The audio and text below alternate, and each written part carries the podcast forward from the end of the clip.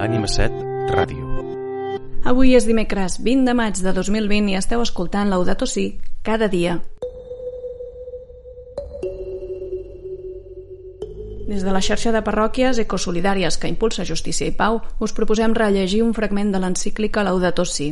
En el cinquè capítol, el papa Francesc presenta algunes línies d'orientació i d'acció davant la crisi social i ambiental.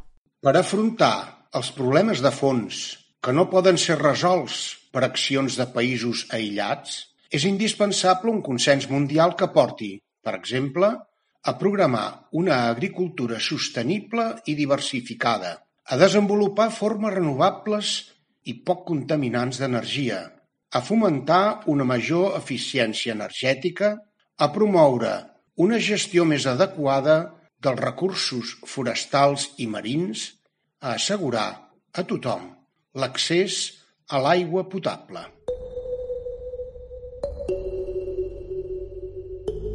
Laudato Si cada dia és una iniciativa per promoure la conversió ecològica integral. Ànima 7 Ràdio.